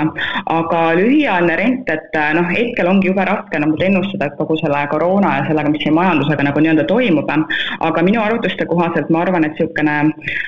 kaheksa kuni kümme protsenti ähm, võiks see olla. Ja ma arvan, et siis, kui nagu see turg stabiliseerub ja võib-olla nagu aasta-paari pärast, kui kõik on äh, jälle päikselisem ja parem ja koroona on äh, lihtsalt õlu ja ära unustatud, et siis tegelikult võiks see protsent nagu ülespoole tulla niisugune kaheteist, kolmeteist peale ja ma saan aru, sinna siis ei ole sisse arvutatud nii-öelda võimalikku väärtuse kasvu, et see on siis puhas äh, nii-öelda renditegevusest? mm. -hmm noh, samas, samasugused numbrid nagu meil Tallinnas siin, et noh, ütleme pikaajalise üüriga jah, teenib rohkem, aga, aga lühiajalise üüriga on ka niisugune kaksteist kuni viisteist protsenti, kui ise teha, et kui haldusfirmat kasutada, siis, siis lähevad äh, tootlused lühiajalise üüriga väiksemaks. aga räägi. jah, sest ma seda. jah, jah, räägi edasi ma segasin vahele. et ma siis seda pikaajalist jah, et ma proovisin siin igatpidi, ma vaatasin äh, stuudiokortereid, noh, igasuguseid niisuguseid väiksemaid kinnisvarasid ja vaatasin ka kahe magamispäeva korterid ja ma tegin igatpidi need arvutused läbi ja ma ei jõudnud mitte kunagi mitte kõrgemale kui mingi neli koma viis protsenti nagu. et see oli kuidagi niisugune pingutatud, ütleme, et ma pigem olen alati oma nagu kalkulatsioonides niisugune konservatiivsem või pessimistlikum ähm, kui optimist, et äh, aga, aga isegi kui ma üritasin asju nagu natukene läbi roosade prillide vaadata, et ei, ei toonud seda mitte kuidagipidi ülespidi, jah. Aga ma siin siis äh, nii-öelda langen korra sellistesse stereotüüpidesse, et äh, Eestist vaadates tundub see Hispaania elu selline, et kogu nii-öelda suguvõsa elab seal ühes, ühes majas, pead-jalad koos ja minu küsimus on, et kes see nii-öelda pikaajalise rendi klient siis üldse on, et e-, Eestis on, Eestis on teada, et kaheksateist kukub, siis äh, inimene lendab pesast välja ja otsib kohe endale oma kodu, aga mis seal Hispaanias, kes need on, kes pikaajaliselt rendile võtavad? no kui me räägime siin sellest äh, Marbeiast ja Costa del Solist, et niisugune äh, ei taha diskrimineerida, aga ma arvan, et mina näiteks võtaksin kindlasti välismaalase endale pigem rentnikuks et äh, ma ei tea, kas ma kohaliku nagu võtaksingi, kes teab võib-olla neid äh, seadusi, igasuguseid äh, auke, kes ongi võib-olla lõpuks lõpetab sulle, et vahetab nukud ära, ütleb, et ma jään siia ja kogu muusika, eks ole. et pigem niisugused ongi välismaalased, kes tulevad siia kas töö pärast, tulevad pensionipõlve veetma, kes teevad kaugtööd et ähm, jah, profiile on, on erinevaid, aga mina kindlasti sihiksin enda korterisse mitte hispaanlaste väljamaalaste ma hakkasin praegu nende pikaajalise tootluse numbrite peale mõtlema siin ja võtsin kalkulaatori lahti ja arvutasin natuke, et kui sa ütlesid, et siin see pikaajalise tootluse äh, protsent on see kolm kuni neli koma viis, et kui sa ütlesid, et niisugune kolmetoaline korter maksab seal suurusjärk kakssada viiskümmend tuhat, et, äh, et kui ma teen kalkulatsioonid ära, siis, siis nelja poole protsendiga ma saan, et see igakuine üür on alla tuhande euro ja, ja kui, kui vaadata kolme protsendi peale, siis saab juba kuuesaja, seitsmesaja euroga kätte, et kas päriselt ka nii odav on pikaajaline rent äh, seal piirkonnas? jaa, absoluutselt, et selles, kui sa tahad äh, kolmetoalist korterit ähm, kahesaja viiekümne tuhandega saada, et äh, siis ta on sul arvatavasti niisugune mm, ütleme, võib-olla mitte nagu nii-öelda mere lähedal, võib-olla on niisuguses vanemas ähm, olukorras kinni, seda ei ole sul mingisugune kapitaalselt ära remonditud ja siin leida mingi tuhande euroga niisugust äh, kolmetoalist ja üheksasaja, kaheksasaja euroga on täiesti jah mm,, tavaline. Okei okay,, aga kuidas nende kui sa lähed sinna Marbeiasse, ütleme võib-olla tsentrumisse või kuskile nagu nii-öelda ähm, populaarsematesse piirkondadesse, et siis on äh, rendihinnad on kõrgemad, aga ka kinnisvarahinnad loomulikult äh, samamoodi okei okay,, aga kui ma nüüd üürin selle korteri, ütleme seal tuhat eurot on kuus on üür, palju need kommunaalid mm on mhm. seal, et kuidas see erineb Eestiga võrreldes, et mis need suurusjärgud on seal? Äh, kommunaalid, ähm, vesi, elekter, ühesõnaga kõigepealt äh, vesi, elekter, et sa maksad neid iga kahe kuu tagant, et sa ei maksa neid igakuiselt. et ähm, elektri hind tundub niisugune suhteliselt äh, kallis, kuna peab arvestama sellega, et äh, enamustel hoonetel ei ole siin ju mingisuguseid äh, soojendusi või mingeid radiaatoreid või, või põrandakütteid ja asju, et on olemas konditsioneer ja aastad kliimamuutustega, et loomulikult äh, talved on läinud natukene külmemaks äh,, vihmasemaks, et kõik kasutavad igasuguseid neid väikseid äh, elektriradikaid, et neid äh, korterid nagu nii-öelda kütta. et äh, noh, mul oli siin äh, kolmetoalises korteris oli, tuli elektriarve detsember-jaanuar tuli niisugune nelisada nelikümmend eurot. ainult elekter. vesi oli niisugune kahekümne viie euro kanti kahe kuu eest, et äh, nad ei ole omadega nagu nii-öelda perspektiivis, aga üks asi, mis siin on äh, erinev, on siis ütleme need halduskulud sest äh, halduskulud võivad väga-väga erineda korterites. et halduskulud, kuna siin on ju enamustel kompleksidel on basseinid, on äh, aiad, on aednikud, on äh, turvamehed, ähm, siis need halduskulud, neid sa ei saa rentnikule nagu nii-öelda üle anda, et see on nagu omaniku vastutus, et sa neid maksad. see on su oma asi, kas sa kuidagi skeemitad või, või noh, üritad neid nagu sisse arvestada sellesse rendihinda. aga et need jäävad ka niisugune täiesti seinast seina, et äh, mul on äh, kaks äh, kolmetoalist korterit, ühes on need halduskulud, neid makstakse siis iga kvartal, iga kolme kuu tagant nelisada kaheksakümmend eurot ja teises on ta seitsesada kuuskümmend eurot. ühes on siis nii palju parem turvamees, jah? Ehm, vot see on täiesti müstika, sellepärast et ühes ei ole üldse turvameest ja teises on kaheksa, kakskümmend neli tundi on nagu turvamehed ukse peal ja siis see, mis on kakskümmend neli tundi, see on odavam kusjuures. aga see on, äh, ütleme siis nagu natukene rohkem äh, mägede poole sõita äh, golfiradade vahel ja teine on mereäärne. aga samas ma käisin ka vaatamas osaseid kortereid kuskil seal Marbella tsentrumis, mis on niisugune, ütleme Golden Mile, kutsutakse kuldseks miiliks nagu niisugune hästi populaarne ala. et leidsin mingisuguseid hästi vanad vanad koledad äh, kortermajad. Äh, kinnisvara hind oli nagu soolane, kuna asukoht oli hea ja siis need haldustasud, mulle öeldi vist oli mingisugune mingi tuhat viissada eurot kolme kuu peale. mõtlesin, issand, et see on nagu suurem kui kodulaen lõpuks, mis sul seal peal on, et et äh, müstika, ei ole nagu loogikat leidnud veel selles suhtes nendes halduskuludes, et lihtsalt millest see nagu olen, ei tea täpselt see on päris huvitav jah, et seal korteri, kas korteriühistuga selline asi eksisteerib või, või kes see nii-öelda määrab neid haldustasusid või mismoodi see asi seal välja näeb? Äh, tavaliselt äh, ühistu nagu ütleme, et nagu omanikud äh, ise ei toimeta, et meil on võetud nagu nii-öelda niisugune haldusfirma siis, kes siis toimetab nende asjadega, et kes paneb kokku siin nagu eelarve, mm, jälgib, et siis kõik maksaksid, kui ei maksa, siis tegeleb nende võlgnikega nagu nii-öelda et jah, niisugune väljastpoolt firma, kes haldab ka siis nende aednike ja turvameeste, ütleme, palkamist ja nii edasi, nii et okei okay., üks asi, mis mul jäi enne küsimata tegelikult, mis ma, kui me rääkisime nendest investeerimisobjektidest ja kõigest sellest, oli see, et noh, kui me Tallinnas täna või ütleme Eestis vaatame, et noh, kolmetoaline korter, niisugune keskmine on selline kuuskümmend kuni kaheksakümmend ruutmeetrit. Nüüd sa rääkisid siin, et Hispaanias on igasuguseid tulesid ja vilesid, basseinid ja värgid ja kõik, kõik muud, mis seal juures on aga kui suured need korterid on, et kas need parameetrid kuidagi Eestiga võrreldes erinevad ka? jaa, kindlasti on korterid on suuremad, et niisugune äh, kolmetoaline korter keskeltläbi, et ma arvan, niisugune kaheksakümmend kuni sada ruutmeetrit isegi. ja pluss siis enamustel on ju terrassid, et niisugune terrass võib vabalt olla ka niisugune äh, kümme kuni kolmkümmend, nelikümmend ruutmeetrit isegi, nii et. Neljakümne ruudune terrass, päris luksvärk jaa, et terrassid ei maksa midagi, nii et Eestis on nelja. suuremad kui korterid, nii et. mul just tuleb siin üürile. siin on seda välis ju Sorry, ma segasin vahele, et mul just tuleb Eestis, noh, on niisugused nelja-viietoalised korterid sellised, et mul just tuleb siin paar tükki on üheksakümmend ruutu, siis on sada kümme ruutu ja siis on sada nelikümmend ruutu, neljatoalised. et noh, ja, ja on ka suured terrassid. Tundub jah, et Hispaanias on nii-öelda üks tuba vähem lihtsalt, aga korter ise on selle võrra suurem ja, ja noh, terrassid on muidugi oluliselt suuremad kui meil siin. aga mulle tundub, et jah ja, ja, jälle segasime vahele, see Skype'i värk et nende kahe magamistoaga korteritega, et ruutmeetrid on suuremad, aga samas siin on ka alati see asi, et sul on alati kaks äh, vannituba. Äh, ja standard on suhteliselt ka see, et sul on nagu oma niisugune mm, pesuruum, kus sul siis nagu pesumasinad ja, ja mingid veepoilerid, asjad on eraldi. et siin on ka nagu selline ruumijaotus võib-olla natuke teistsugune aga kui me siin äh, nii-öelda sellised põhimõttelised asjad rääkisime ära, aga räägi nüüd puhtalt oma kogemusest, et on sul seal Hispaanias selliseid mingeid naljakaid, äh, võib-olla negatiivseid või hoopis äärmiselt positiivseid juhtumisi ka olnud, mis võib-olla erinevad sellisest nii-öelda tava, nii-öelda tavakäsitlusest um,? üks niisugune lõbus juhtum võib-olla oligi see, et kui ma nüüd seda kodulaenu siit pangast taotlesin, et ähm, ma pean korra nagu seletama seda ajalugu võib-olla ära, et, et mis siin oli, et, et Hispaania oli niisugune, kui see eelmine kinnisvarabuum oli siin siis ütleme, see kahe tuhande kuuenda, seitsmendal aastal on ju,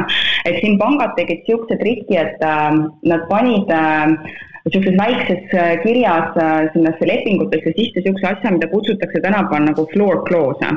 ja mis see siis tähendas, on see, et kui sa võtsid nagu nii-öelda selle varieeruva intressiga kodulaenu, siis loomulikult, äh, kui Euribor läheb, eks ole, madalamaks, et su intress muutub. aga need pangad olid nagu enda arust jube kavalad ja nad panid sinna nagu niisuguse punkti sisse, et äh, Euribor võib ainult nagu tegelikult äh, noh, mingi teatud protsendini muutuda, et kui ta läheb nagu liiga alla, et siis tegelikult ikkagi sa pead nagu pangale selle mingi miinimumsumma maksma. aga see oli siis kuskile sinna nagu ütleme, mingi viieteistkümnenda lehe peale kuskile mingi ära peidetud umbes niisugune trikk, eks ole. ja nüüd aastaid hiljem sellest äh, tehti niisugune suurem skandaal, äh, oli siin Hispaania ülemkohtus kogu see teema, jõudis äh, Euroopa kohtuni välja. ja kaks tuhat kuusteist aastal siis oligi vist lõplikult Euroopa kohus otsustas, et ühesõnaga kõik need inimesed, kes olid kunagi võtsid seda kodulaenu ja kellel oli siis niisugune nagu nii-öelda sahkerdis selles lepingus sees, et neil on kõigil õigus nüüd saada pankadelt see erinevus tagasi, mis nad nagu kaotasid seda kodulaenu intressi makstes või üle makstes ja üle kolmekümne viie miljoni inimese vist oli nagu nii-öelda siis sellest mõjutatud. ja see tõi omakorda siis nagu kaasa igasugused äh, seadusemuudatused siia, mis siis nagu nii-öelda pidid nagu paremini siis äh, klienti kaitsma ja siis üks huvitav asi ongi see, et öeldi, et noh, et pangad teevad nagu asju liiga keeruliseks, et nüüd on nagu pankadel on vastutus, et nad peavad nagu garanteerima, et nad seletavad selle nagu igale lihtinimesele nagu nii-öelda äh, puust ja punaseks ära. Ja mis see siis kaasa tõi omadega, äh, et näiteks kui ma käisin, kui ma nüüd pangaga rääkisin kodulaenu läbi, et esiteks peab olema selle laenu saamise ja notarisse mineku vahel kümme päeva aega et siis mul on nagu kümme päeva, ütleme, aega nagu seedida seda informatsiooni. Ja pangaga nagu nii-öelda kõik need äh, detailid ära täpsustada. aga siis kõige huvitavam on see, et ma pidin notaris käima kaks korda, et esimene kord sa lähed notarisse ja mis see notar siis teeb, sa lähed notarisse tegema testi. sul on valikvastustega test ja siis notar nagu nii-öelda testib sind, et kas sa ikka saad aru, mis nagu kodulaenu sa täpselt võtad ja nendest tingimustest. aga see oli nagu selles suhtes niisugune lõbus seik, et see valikvastustega see notar siis nagu luges neid advokaadi juuresolekul ette ja siis ta samal ajal luges mulle ka selle õige vastuse ette nagu umbes jube kiiresti, et ma pidin umbes nagu ringitama neid seal, et, et noh, mitte nagu, tegelikult ta testis mu teadmisi, aga oli umbes niimoodi, et noh, nagu noh, see on see vastus, et nüüd kirjuta nagu sellele alla või, või tõmba sellele õigele asjale ring ümber aga see on nagu niisugune paras show oli jah, ühesõnaga. ja siis alles kaks-kolm päeva hiljem sain tagasi minna notarisse tegelikult selle tehingu läbi viia Nõukogude Liidus nimetati sellist asja pakasuhha minu meelest. Ma just no, mõtlesin, et kui sa hakkasid rääkima valikvastustest, et nagu oleks autoeksamile läinud või sinna teooriaeksamile läinud, et on valikvastused ja siis vaata, et ei eksi, muidu ei saagi osta. algisel on see jama, et isegi kui tal notar ette ütleks, siis ta kukuks ikka selle testi läbi. Tõsilugu, et ega selles mõttes, et lähed sinna, pliiats on kõrva taga, et sa, sa liiguta paberit ja ma hoian pliiatsit, et nii ta käib tavaliselt jah aga..., et jah, see oli niisugune viisteist küsimust vist isegi oli, et võttis sihuke pool tundi nagu nii-öelda aega, et, et jah, niisugune põnev kogemus noh. aga ma saan aru, et sa said läbi ikkagi, õnneks jah, jah, pääsesin, sain, võitsin aga räägime võib-olla sellest, et kui suur see eestlaste kogukond seal üldse on ja, ja kui palju sa tead, et kes seal nagu reaalselt nii-öelda aktiivselt kinnisvaraga ka tegeleb, et üks asi on see, et sa ostad nagu kodu endale sinna, aga teine asi, noh, et kui, kui paljud on sellised, kes nagu aktiivselt seal toimetavad? Kogukond on suur, äh, seda kindlasti, aga neid aktiivseid toimetajaid, kui ma aus olen, ega ma ei oskagi eriti ähm, öelda, kommenteerida, ma arvan, ma tulin siia lihtsalt nagu nii äh, tükk aega tagasi et äh, ma olen siin nagu selles suhtes sisse sulanud, et ma ei, noh, ma saan aru, kui sa nagu alguses kolid, et sa otsid ubedalt nagu ähm, kodumaalaste kontakti ja eestlastega võib-olla nagu niisugust kontakti, aga kuna mu kõik nagu töö ja, ja toimub nagu erinevate välismaalastega ja ma reisin õudselt palju ise ka nagu, et ma viibin päris palju Marbeiast eemale, et mul ei ole siin nagu niisugust, ma ei ole nagu võib-olla selline kogukonnas äh, tugevat sidepidav inimene siin. et ma tean, et siin on maaklereid, kes on tegutsenud väga asjalikult niisugune kümme-viisteist aastat, et äh, noh, teavad, teavad, mis teevad. Aga mingisuguseid arendajaid või, või äh, flipped, et ei, ei tea, ei tunne, mul on üks tuttav küll, kes ma tean samamoodi, kes tegeleb siin lühiajalise rendiga, et arvatavasti, kellel on niisugune kolm-neli-viis korterit siin. Um, et temaga ma olen nagu natukene ühendust võtnud ja katsunud vaikselt uurida, et, et kus ja kuidas ja mida, kuna ma teadsin, ta teeb neid äh, mm, üürimist läbi Eesti ettevõtte, et see oli nagu see asi, millest ma veel ei tea, aga mis mul on nagu nii-öelda mu listis ja ma peaksin nagu selle kohta uurima, kuidas seda nagu läbi Eesti ettevõtte, et, et äh, mis variandid siin nagu nii-öelda on. aga jah, et äh, kahjuks jään rohkemalt vastuse võlgu. Aga kui mõni meie kuulaja nüüd juba siin pakib asju ja broneerib lennupiletit, et sinna Hispaaniasse sõita, et äh, oled sa valmis nii-öelda nõu ja jõuga abistama ja võib-olla selline asi ka, et äh, sa ütlesid, et kõik need advokaadid ja igasugu abilised, kes seal Hispaanias on, et võib-olla oskad ka soovitada neile inimestele oma neid äh, nii-öelda abijõudu ja taustajõude jaa, absoluutselt ja noh, kui lõpuks äh, kogus selle julguse kokku ja hakkaks seda maja ka siin klippima, et siis äh, võiks ju mingi punt koos olla, et et selle summani jõuda, et, äh, et seda maja tegema hakata, läheb natukene aega ikkagi. et võib-olla üks huvitav asi, mis mis mulle mõttesse tuli, et kui ma rääkisin enne sellest kinnisvaramaksust, et kui sa ostad midagi, et, et kui on nagu kinnisvara vahetab omanikku, et siis sa pead maksma seda maksu. et huvitav asi on see, et see kinnisvaramaks kaheksa protsenti arvestatakse mitte müügihinnast, vaid hindamisaktist. Et äh, mul endal oligi kogemus, et see viimane üüriobjekt, et äh, ma sain selle kätte võib-olla nagu nii-öelda ühe hinnaga ja siis see hindamisakt tuli niisugune kakskümmend protsenti kõrgem, et korra nagu juubeldasin, aga siis ma sain aru, et kurat, et see äh, kinnisvaramaks läheb ju sellest äh, hindamisakti hinnast nagu nii-öelda, pidin nagu nii-öelda ette ära maksma sellest. et aga kui sa panga finantseeringut ei kasuta, siis sul ju hindamisakti vaja pole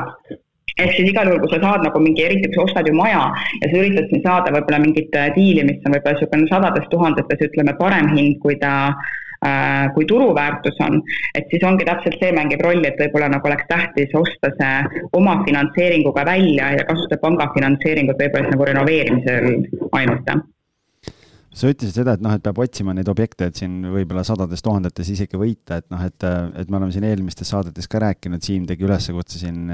et ja, ja Peeter Pärtel on ka kunagi öelnud, et noh, et vähemalt sada objekti võiks ära külastada, siis tekib arusaam, on ju, et mida mingi raha eest saab. et kuidas sul seal reaalselt on, et, et mis, mis soovitus on, et kui nüüd mõni meie kuulaja sõidab sinna ja hakkab seal sajaseid luhtitama, et kui palju objekte peaks ära käima, et äh, reaalne ettekujutus tekiks, äh, mida mingi raha eest saada on võimalik? ma arvan, et esimene samm on nagu tutvuda erinevate linnaosadega, sest ikkagi see ala on nagu meeletult äh, suur ja, ja noh, võimalusi on ju miljoneid, et, et kas ostad, kus sa ostad ja, ja mis sa ostad, eks ole. aga selle kinnisvaraobjektide vaatamisega, no see on, siin on natuke see kinnisvaraturg on nagu metsik lääs. et selles suhtes, et mul on kolm korterit, mis mulle nagu huvi pakkusid äh, Marbella keskuses, olen neid üritanud vist kaks-kolm nädalat vaatama minna. küll need maaklerid kaotavad võtmed ära, siis äh, ühesõnaga siin on nagu selles suhtes õudselt äh, organiseerimata kaos, et siin ei pea olema maaklerid meie litsentsiga nagu nii-öelda. Neil ei ole mitte mingit koolitust, et otsustan homme tahan maakleriks saada, et olengi maakler. et ainuke minu meelest Hispaanias on kas Kataloonia on vist ainuke koht siis, kus maaklerid peavad nagu läbi tegema mingisugused teatud koolitused ja paberid saama. aga siin siis ongi see, et äh, kolid Hispaaniasse, et mis ma siis teen, et väikse all siin, et hakkan maakleriks, vot, sai maakleritele puid alla panna natukene noh, see on tavapärane, ma juba mõtlesingi, et kas üks saade läheb nii mööda, et nagu mitte midagi, aga noh, nagu ei muutu midagi siin päikese all. no mul on tunne, et algis oleks seal äh, Hispaania rannikul oleks päris äh, nii-öelda hea maakler ja, aga siin ongi see eripära tegelikult, et äh, ma just rääkisin tuttava maakleriga, kes mulle seletas seda süsteemi, et siin on niisugune nagu nii-öelda mm, Äh, online'is siis on mingisugune süsteem, mis on siis äh, multiple listing service on selle asja nimi. et kui mina nüüd ütlen, et mina tahan oma korteri müüki panna ja ütlen nii, et algis, et äh, sina kui maakler, et palun võta mu objekt müüki, siis algis maaklerina, mis ta teeb, ta paneb selle sellesse süsteemi nagu nii-öelda sisse ja hakkab siis ütleme mulle üks või selle one estate kinnisvara alt näiteks seda müüma aga siin ei ole sellist asja väga raske nagu hoida see eksklusiivsena, sest sul on kõik teised maaklerid neil on see ligipääs sellesse süsteemi ja igaüks võib tõmmata selle objekti sealt nagu nii-öelda välja ja panna selle objekti enda alt müüki. et tihtipeale, kui sa lähedki nagu sellistesse portaalidesse, mis on ütleme KV või Kinnisvara kakskümmend neli sarnased siinpool, sa näed ühte objekti nagu, mida kümme erinevat maaklerit müüvad. ja sul ei ole mitte kuidagipidi nagu teada, et kes see oli see, kellega originaalist, kelle käes see on. et mul oligi samamoodi, et need kinnisvarad, mis ma leidsin nagu nii-öelda et äh, helistasin nagu kolmele erinevale maaklerile, üritasin kolme erineva maakleri kaudu siis nagu leida, et kes on nagu kõige asjalikum, kes äh, viitsib telefoni vastu võtta, kes viitsib minuga kokku saada. et selles suhtes see on natukene jah, niisugune organiseerimata, et maaklerid jagavad neid äh, maakleritasusid ka siin nagu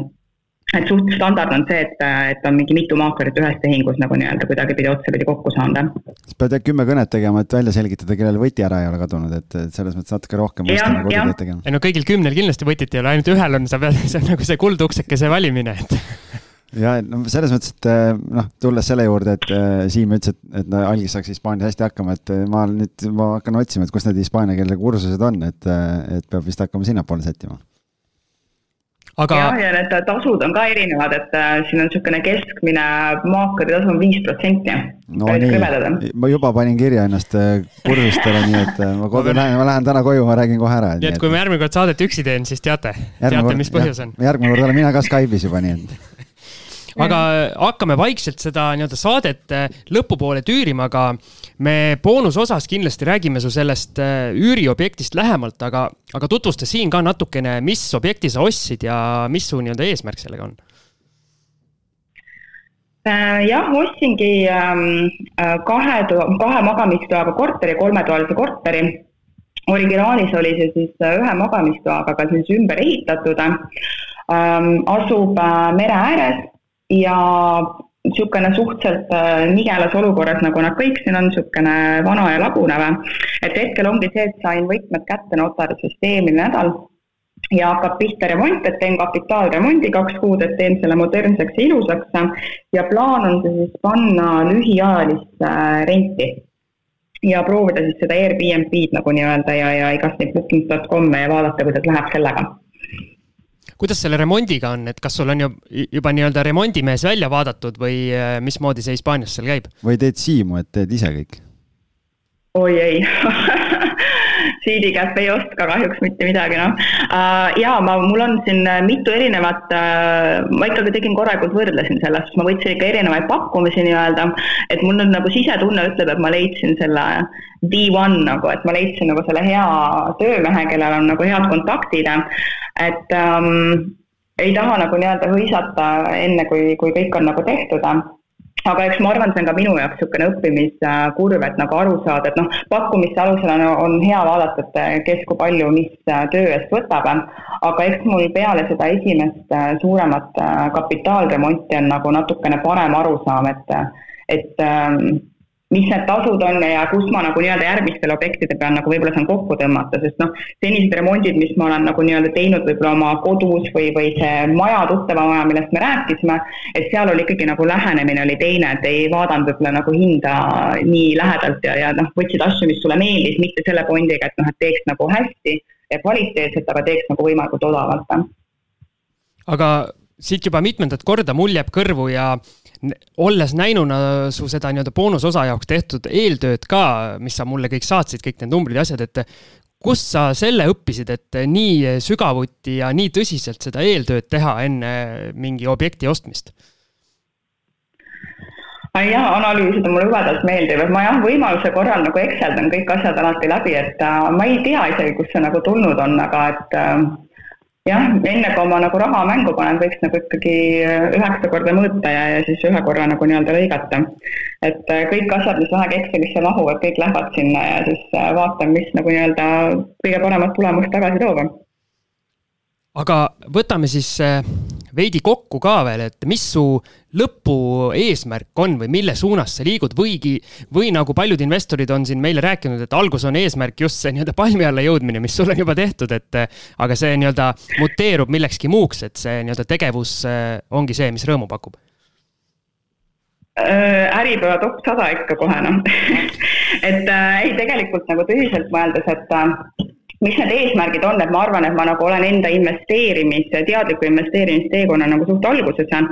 et ikkagi äh, proovida erinevaid äh, asju, proovida seda lühiajalist renti, äh, proovida natukene uurida lähemalt ärikinnisvara kohta, flippi tahaks, eks ole, proovida, aga suuremas perspektiivis ma arvan, et eesmärk on ikkagi kasvatada nagu nii-öelda oma, oma netväärtust seda siis läbi noh, palgatöö hetkel veel ettevõtlustulu ja siis nende kasumlike kinnisvaratehingute. et äh, minul on nagu üks äh, tingimus alati endale seatud, et see LTV võiks nagu alati jääda niisugune alla neljakümne viie, viiekümne protsendi, et siis, kui tulevad ka raskemad ajad, et siis elad nagu nii-öelda selle üle. Ja siis ajada niisugust ähm, keskpärast tootlust kümme, kümme protsenti võib-olla taga, et noh, et äh, see on niisugune, et konservatiivne, ma arvan ja eks vaata, kuidas selle esimese objektiga siin läheb, selle üürikinnisvaraga ja siis võtta silm, siht silme ette, teha see järgmine flip ära. ja jah, nii ta läheb aga selle flipi koha pealt me siis ootame, et võib-olla Netflix äh, teeb sellest väikese seriaali ka, eriti kui mõned, mõned teised eestlased veel kampa seal löövad absoluutselt, äh, Rannamaja Hispaania moodi absoluutselt, no näed, siin on juba, juba kontseptsioon on koos, nii et äh, aga enne kui me päris äh, otseselt kokku tõmbame, et räägime ikkagi kodumaast ka, et, et ma tean, et sa mm -hmm. mingil hetkel siin ju plaanisid Tallinnasse ka investeeringut teha ja nüüd sa oled seal kaugel, et kuidas sul selle Tallinna kinnisvara investeeringutega läheb, oled juba jõudnud siia ka midagi osta või, või praegu veel mitte? Äh, hetkel veel ei ole, aga kindel plaan on äh, esimene pikaajaline nagu niisugune üürikinnisvara objekt leida ka seal selle aasta sees. et ähm, sellega mõtlesingi, et noh, et kõigepealt saaks selle Hispaania kinnisvara siin ostetud ja remonti pandud ja siis äh, hakkan keskenduma nagu nii-öelda selle järgmisele sammule. et äh, noh, alati öeldakse, et portfoolio võiks olla nagu nii-öelda mitmekesine, et äh, isegi kui see on kinnisvaras, et miks mitte nagu jagada seda ka Hispaania ja, ja Eesti vahet et ainuke asi, milleni ma nagu jõudsin võib-olla järelduseni suht kiiresti, et äh, Eestis siis võib-olla äh, ütleme, see populaarne kinnisvara, kas on need mikrokorterid või need ühetoalised korterid, mida äh, kõik äh, tublisti taga ajavad, et äh, ma nendega võistelda ei suuda, et eriti nagu distantsilt nagu, et selle aja peale, kui äh, keegi paneb KV-sse mingisuguse hea kuulutuse üles, et kui mina nagu üles ärkan, on seal kümme kinnisvarajutu huvilist juba nii-öelda selle korteri läbi käinud, ära ostnud, eks ole. et äh, siis mul oligi, mõtlesin seda, et Eesti pool nagu, et, et see nišš, miks võiks minul nagu olla, et äh, kas A natukene nagu ärikinnisvara vaadata, millel on siis kõrgem sisenemislävi ja või B äh,, ma olen aru saanud, et võib-olla see teine äh, nišš, millest nagu natukene, mitte ei ole nagu puudust, aga võib-olla mida nagu oleks kerge välja rentida, on siis need suuremad ja võib-olla luksuslikumad äh, korterid. et ma pigem nagu Eestis võtan selle sihi, et, et äh, niisugused ähm, jah, sada pluss ruutu nagu nii-öelda, mis on niisuguses võib-olla superheas korras, kus sa leiad ka võib-olla pikaajalisema reitniku endale sisse okei okay,, jah, see on selline kallima otsa kinnisvara, aga täna tegelikult selles segmendis on turg on päris aktiivne, nii et eh, võib-olla ei ole üldse paha mõte, kui finantsilised võimalused on olemas.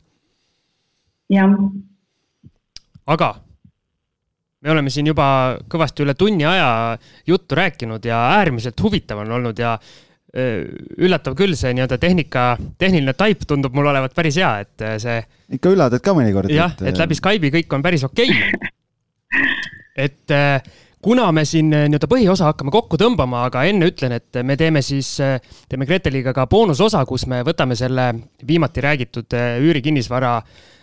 täiesti ribadeks lahti ja patreon.com kaldkriips kinnisvarajutud on see koht, kus seda boonusosa saate kuulata ja sinna juurde siis paneme nii palju materjale, kui meil Gretel lubab ka, et äh, saate, saate siis oma silmaga kaeda nii seda korterit seest ja seda piirkonda ja kõike veel. Ja no igal juhul suur tänu sulle, no ülipõnev saade oli ja hea meelega lobiseks veel, aga, aga kuskilt peab selle joone alla tõmbama, nii et, et, et siis jätame, jätame kunagi tulevikuks ka, nii et, et, et kui, kui kunagi Eestis tagasi oled ja meil on võib-olla mõni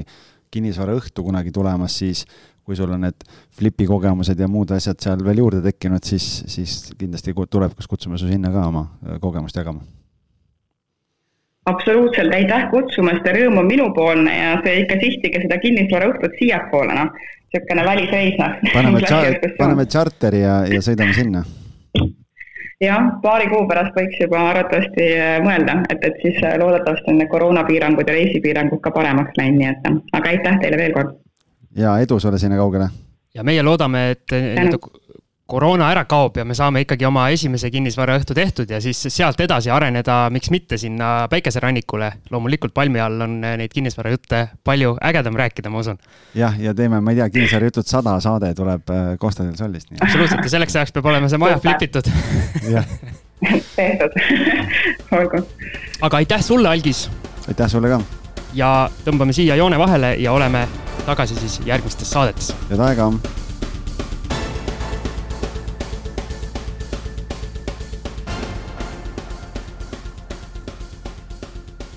kinnisvara ostueelne kontroll aitab säästa aega ja raha. vaata lisa www.ehituskaitse.ee